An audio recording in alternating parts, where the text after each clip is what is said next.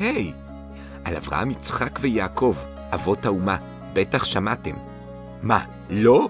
אם ככה, רוצו לפתוח את חומש בראשית, דחוף. יש לכם חור. אתם יודעים מה? בור בהשכלה. אני משער שגם על רש"י, אין מצב שלא שמעתם לפחות את השם. רש"י הוא אחת הדמויות הנערצות ביותר מאז תקופת התורה, והוא אחד האנשים שעיצבו את העולם היהודי. אבל, מה אתם באמת יודעים עליו? כנראה למדתם אותו בבית הספר או עם אחד ההורים, אבל אתם יודעים היכן גדול ראשוני אשכנז נולד? על מסעי הצלב? על השושלת המפוארת שנוצרה אחריו? בואו איתי ונגלה. זה כאן בפנים. תקפצו פנימה ונצא למסע בזמן אל ערפילי ההיסטוריה שלנו.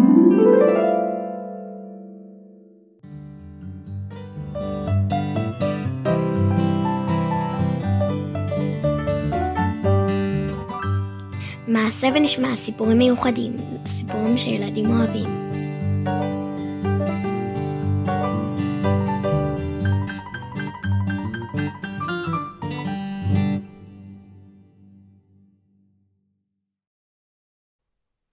בואו נתחיל בסיפור, באגדה עתיקה. רבי יצחק ואשתו היו עניים מרודים, וללא ילדים. יום אחד רבי יצחק הולך לתומו, וניגש אליו אדם אחד המחזיק בידו אבן. רוצה לקנות את האבן הזו? שואל האיש. האבן נראית פשוטה למדי, ורבי יצחק קונה את האבן בסכום כסף. בתחילה הוא חושב שזו אבן רגילה. אבל כשהוא מביא אותה לאומן שיעבד אותה, מגלה רבי יצחק שתחת קליפת האבן הפשוטה הסתתרה אבן יקרה ביותר. כשהוא מנסה למכור אותה, לאף סוחר באזור אין מספיק כסף עבור שוויה העצום. השמועה על האבן היקרה מגיעה לשליח המלך, והוא מבקש לקנות אותה בכל סכום שבעולם. רבי יצחק מוכר לו את האבן, מקבל חלק מן הכסף, ואז לתדהמתו הוא מגלה שהשליח רכש את האבן על מנת לקבוע אותה בתוך פסל המיועד לעבודה זרה. רבי יצחק לא רוצה בשום אופן לתת את האבן עבור עבודה זרה. האם הוא, יהודי מאמין בין מאמינים, ייתן משהו לעבודת אלילים? הוא מבקש מהשליח לתת לו להתבונן בפעם האחרונה באבן שלו. ככל הנראה, הם עוברים בדרך על גשר.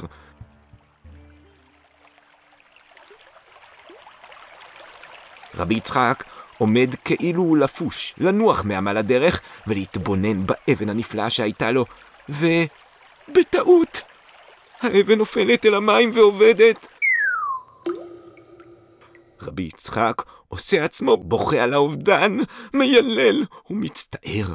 את הכסף הפסיד רבי יצחק, אבל בליבו הוא שש ושמח.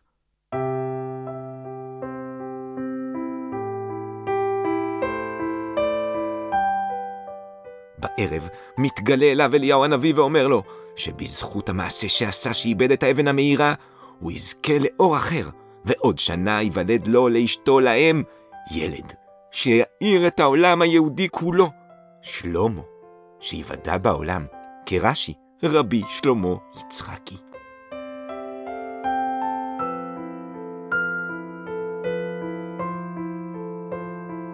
יש המון אגדות על רש"י. אגדות וסיפורים שמראים לנו איך התייחסו לרש"י לאורך הדורות. העריצו אותו, למדו אותו וגם, גם חיברו עליו סיפורים. לחלק מהסיפורים יש גרסאות שונות ומקורות לא ברורים, אך מה שברור בוודאי הוא שמי שמספרים על דמותו אגדות מופלאות. יש כנראה סיבה לכך.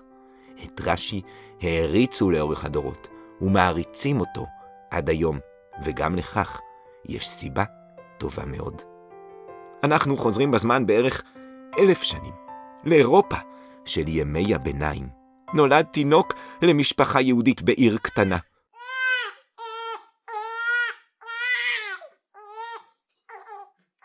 מה אנחנו יודעים עליו?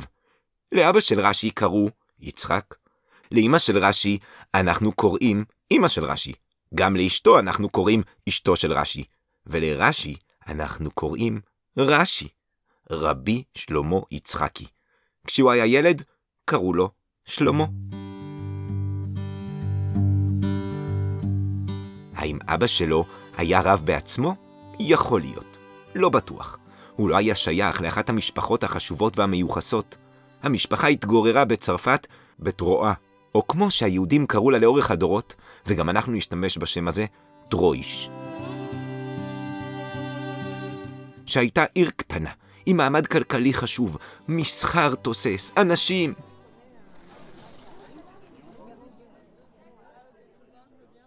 אבל עם מעט יהודים, לא קהילה חשובה ומרכזית. בגיל 18 לוקח רש"י את עצמו, אורז חפצים ועובר ל... לישיבה. ולא סתם ישיבה, אלא הישיבה. הישיבה של רבנו גרשום מאור הגולה. תחשבו על זה, נער עוזב את משפחתו, ועובר לארץ אחרת ללמוד תורה. על זה נאמר, הווה גולה למקום תורה.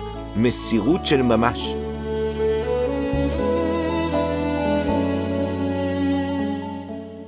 רש"י מגיע לישיבה. רש"י העריץ את רבנו גרשום, הוא קורא לו גדול העולם, ומאיר עיני גולה, שזה אומר שהוא מאיר את דרכם של כל ישראל הפזורים ברחבי העולם. והנה הוא, רש"י, הצעיר, בישיבה שלו. קורא מאותם כתבים שרבנו גרשום קרא בהם, רואה את כתב ידו, ובישיבה הוא לומד מפירו של הישיבה, שהיה תלמידו של רבנו גרשום, רבנו יעקב בן יקר.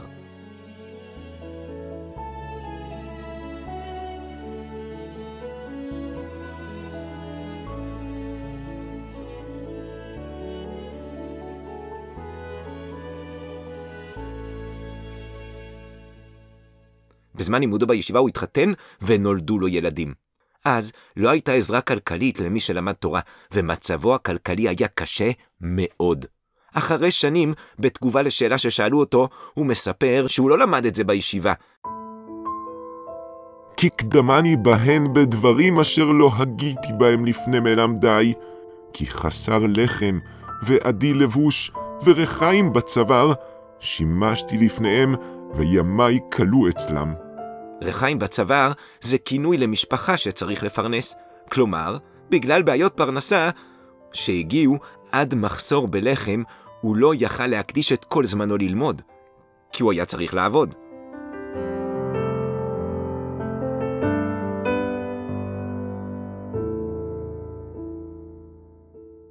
שש שנים למד רש"י מרבי יעקב בן יקר עד פטירתו.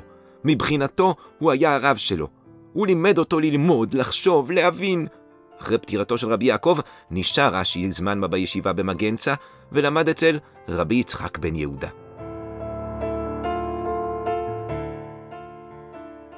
אחרי כשלוש שנים, רש"י עוזב וחוזר לצרפת.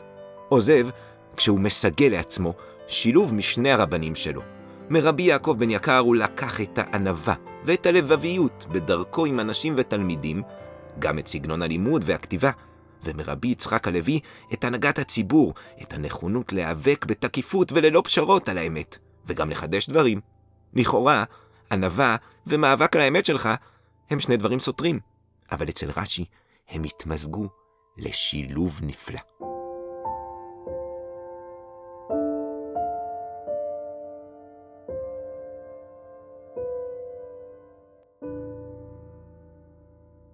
בגיל 30 רש"י חוזר לטרויש, טרואה. נולדות לו שלוש בנות, יוכבד, מרים ורחל. יכול להיות שהייתה גם בת רביעית שנפטרה בגיל צעיר. כל הבנות נישאו לתלמידי חכמים. רבים מהחכמים המרכזיים של הדור שלאחר מכן יצאו מהם. אתם יודעים ממה הוא התפרנס? מלהיות רב. שילמו לו משכורת מכובדת, והוא נסע בכרכרה רתומה לסוסים אבירים, ולבש בגדי מלכות, חליפות. כנראה שלא, ממש ממש לא. אולי הייתה לו חנות, והוא עסק במסחר. יש לזה רמזים היסטוריים. בכל אופן, משכורת בתור רב או ראש ישיבה לא הייתה לו. יחסית מהר, רש"י מתקבל לבית הדין של טרויש ומתחיל לתקן תקנות. תקנות שגם קהילות סמוכות קיבלו אותן. יש לו ביטחון, כשהוא מזהה מנהג מקומי שלפי דעתו הוא טעות, הוא נאבק לשנות אותו. הנה דוגמה. על מה אתם חושבים כשאתם שומעים על מחזור תפילה? אתם חושבים, בטח, על ספר המחזור, שכל מתפלל מחזיק בידו בחגים, נכון? אז רגע, לא בדיוק. במשך הרבה דורות, עד המצאת הדפוס, מחזור היה ספר שיש עותק אחד שלו בקהילה, ובתוכו כל התפילות. החזן היה מחזיק אותו וקורא ממנו, וכל האחרים חוזרים אחריו. המחזור הכיל גם את ההלכות והמנהגים של הקהילה. זה היה ספר יסוד בהנהגת הקהילה. רש"י מזהה מנהגים שלדעתו אינם מתאימים להלכה, והוא משנה אותם בהתאם להלכה המקובלת. זה לא פשוט. יש כאן מנהג בעל משקל, יש קהילה, וכמו שאתם יכולים להעריך, זה לא תמיד עבר בשקט. היה צריך אומץ, תקיפות ויכולת להתנהל מול אנשים. על העמידה על האמת, איך מכנים אותו את רש"י? האריה.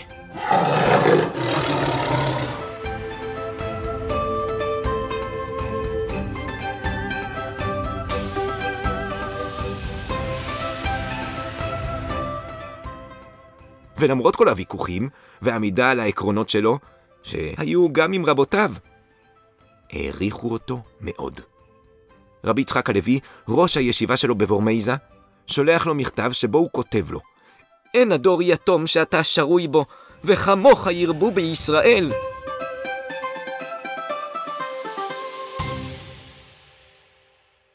רש"י פותח ישיבה, ותלמידים מגיעים אליו לא רק מצרפת, אלא מכל אירופה הנוצרית.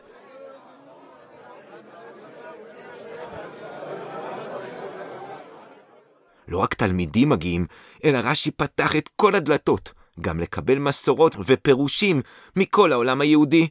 כל מקום רוצה את הבכורה אצלו, אבל רש"י, עם הענווה הבסיסית הגדולה שהייתה בו, ורדיפת האמת, לא רואה בזה שום בעיה, לקבל וללמוד מאחרים. האמת קודמת לכל, מי צריך כבוד? אפשר לראות זאת בביטוי מיוחד שמוזכר בפירוש של רש"י, ולא פעם אחת. ביטוי שלא מצפים לראות בפירוש או בספר שנועד להעביר ידע וחוכמה. רש"י כותב, איני יודע מה מלמדנו. פרשן, חכם, מסביר את התורה, וכותב שהוא פשוט לא יודע. גם בחינוך של רש"י לתלמידים הייתה חתירה לאמת. הוא עודד אותם להציע את הפירושים שלהם, לחשוב, לכתוב. הנכד של רש"י, הרשב"ם, רבי שמואל בן מאיר, הבן של בתו הגדולה של רש"י יוכבד, כתב בפירוש שלו, וגם רבנו שלמה, אבי אמי, מאיר עיני גולה, נתווכחתי עמו לפניו, והודה לי שאילו היה לו פנאי, היה צריך לעשות פירושים אחרים, לפי הפשטות המתחדשים בכל יום. רשב"ם היה כנראה נער כשהוא התווכח עם סבא שלו, הרב הגדול, ורש"י מוכן לשמוע גם את הרעיונות שלו, ואפילו מדרבן אותו במרומז לכתוב אותם. החתירה הזו לאמת, יחד עם הענווה והעידוד לתלמידים, יצרה פריחה חסרת תקדים בכתיבה והוצאה של ספרים תורניים חדשים.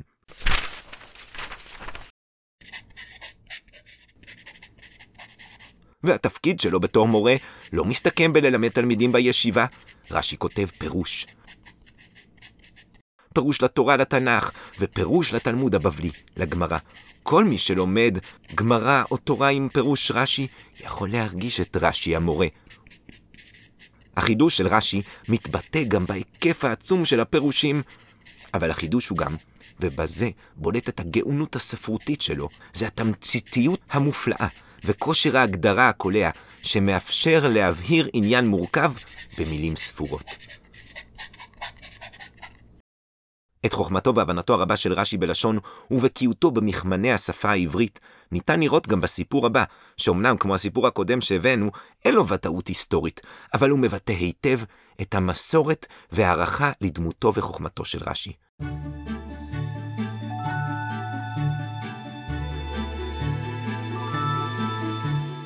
רש"י, שבאותו הזמן היה עדיין סתם, שלמה, אדם אלמוני, התארח אצל אחד מבעלי הבתים בעיר לסעודה.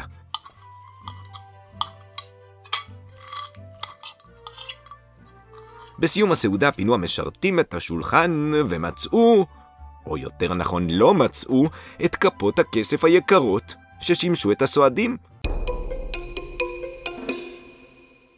מיד נפלה האשמה כמובן על האורח.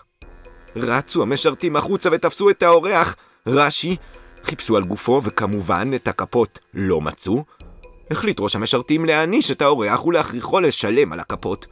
אך כיוון שלרש"י לא היה כסף, לקח ראש המשרתים בתמורה את מעילו של רש"י כתשלום.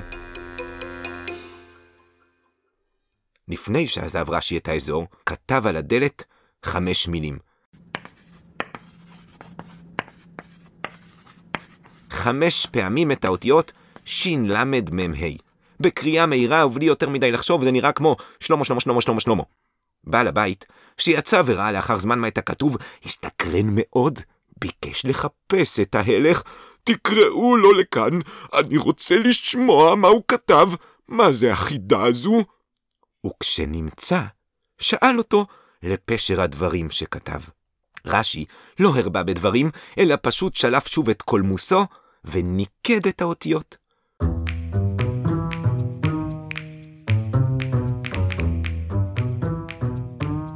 בעל הבית הסתכל וקרא, שלמה שלמה שלמה שלמה שילמה. במילים הללו רצה רש"י לשאול, מדוע היה מוכרח שלמה, הוא, לשלם בבגדו, שלמה שלמה, על גניבה שלא ביצע. מספרים שבעל הבית התרשם, הבין שמדובר באדם בעל מעלה, והחזיר לו את מעילו.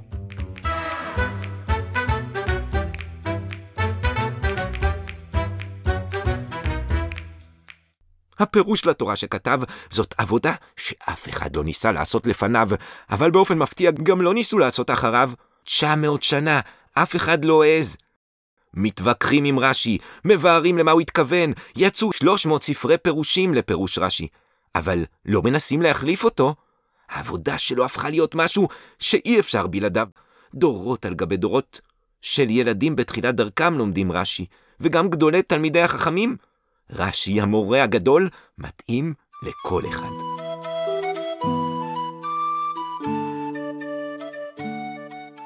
הפרויקט העצום השני של רש"י הוא כמובן הפירוש לתלמוד הבבלי. יש בדיחה מפורסמת, ששואלת, איך יודעים שרש"י היה גאון? הוא הצליח ללמוד גמרא בלי פירוש רש"י. אבל זה לא נכון, אי אפשר ללמוד גמרא בלי פירוש. לא חשוב כמה גאון אתה, ורש"י למד את הגמרא מרבותיו, שהם למדו מרבותיהם. הפירוש של רש"י עשה מהפכה אחרת.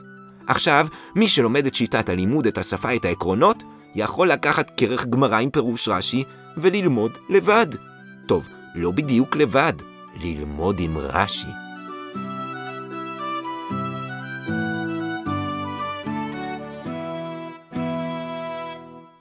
בכל מקום, בעולם היהודי שפירוש רש"י הגיע, מיד לקחו אותו בתור הבסיס. מעולם לא הודפסה גמרא מזמן המצאת הדפוס, בלי פירוש רש"י ליד הטקסט של הגמרא. ואם כבר הזכרנו את הדפוס, הספר הראשון שהודפס בעברית, על ידי מדפיסים גויים, היה פירוש רש"י לתורה, לפני בערך 550 שנה, בדרום איטליה.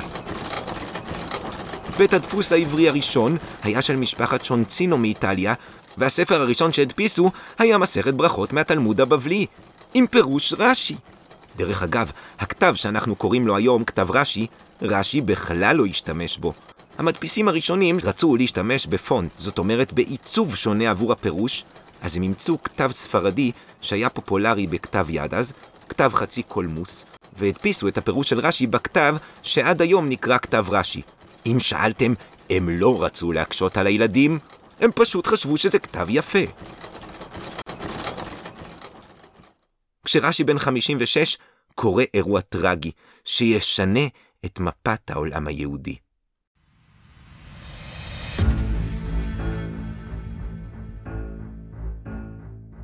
בגלל כל מיני סיבות פוליטיות ומשבר קרקעות, יותר מדי זמן לא הייתה מלחמה טובה לפרנס את האבירים. האפיפיור הנוצרי, אורבנוס השני, מצליח לשכנע את אצולת אירופה וגם את ההמונים לצאת למסע צלב לשחרור המקומות הקדושים בארץ הקודש מידי הכופרים המוסלמים. בעקבות כך, מתחילה תנועה של המונים מזרחה, מתחילים בצרפת דרך גרמניה, כשהיעד הוא ארץ ישראל.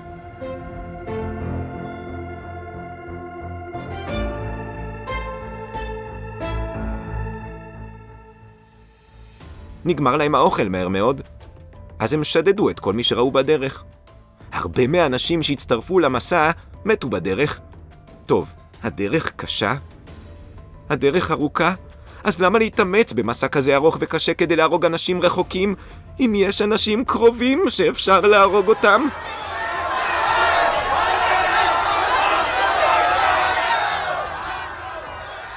כשההמון, הפרוע והברברי מגיע לקהילות היהודיות של שום, הערים שפרה, וורמייזה ומגנצה, הם מעמידים בפני היהודים את הברירה. התנצרות או מוות. כמעט כל היהודים בחרו למות על קידוש השם.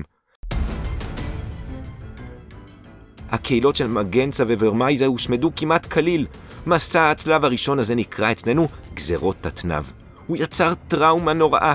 בעקבותיו חיברו קינות שחלקם נאמרות עד היום בתשעה באב. גם את תפילת אב הרחמים, שאומרים כל שבת בקהילות אשכנז. עכשיו, כשהמרכז הישן באשכנז נפגע קשות, מרכז הכובד עבר לצרפת. יש בית מדרש מרכזי שנותן מענה לכל אירופה. בית המדרש של רש"י. מרכז אחד יורד, ומרכז אחר עולה. וישיבתו של רש"י בצרפת הפכה למרכז העיקרי של לימוד התורה באירופה.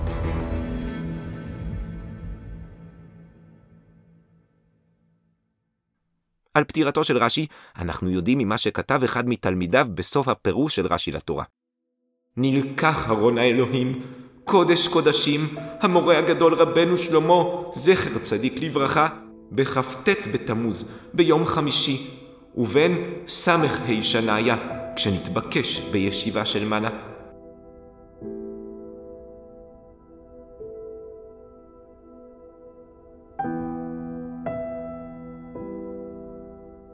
בסופו של דבר, התואר החשוב ביותר אולי שאפשר לציין לרש"י הוא המורה הגדול. מורה של אלפי אלפים. מורה של דורות. רק בן 65, וכמה הוא הספיק, רש"י עשה מהפכה. מהפכה שאנחנו נהנים ממנה כבר יותר מ-900 שנה.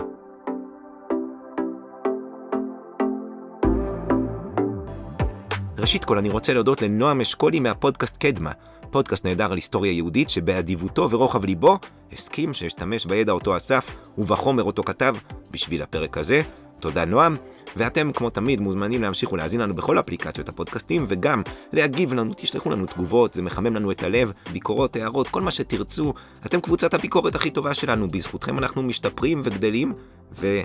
אם אנחנו מדברים על גדלים, אז אתם מוזמנים לשלוח אותנו גם כן לכל מיני אנשים שאתם חושבים שזה יכול לעניין אותם. זה הדרך שלנו לגדול.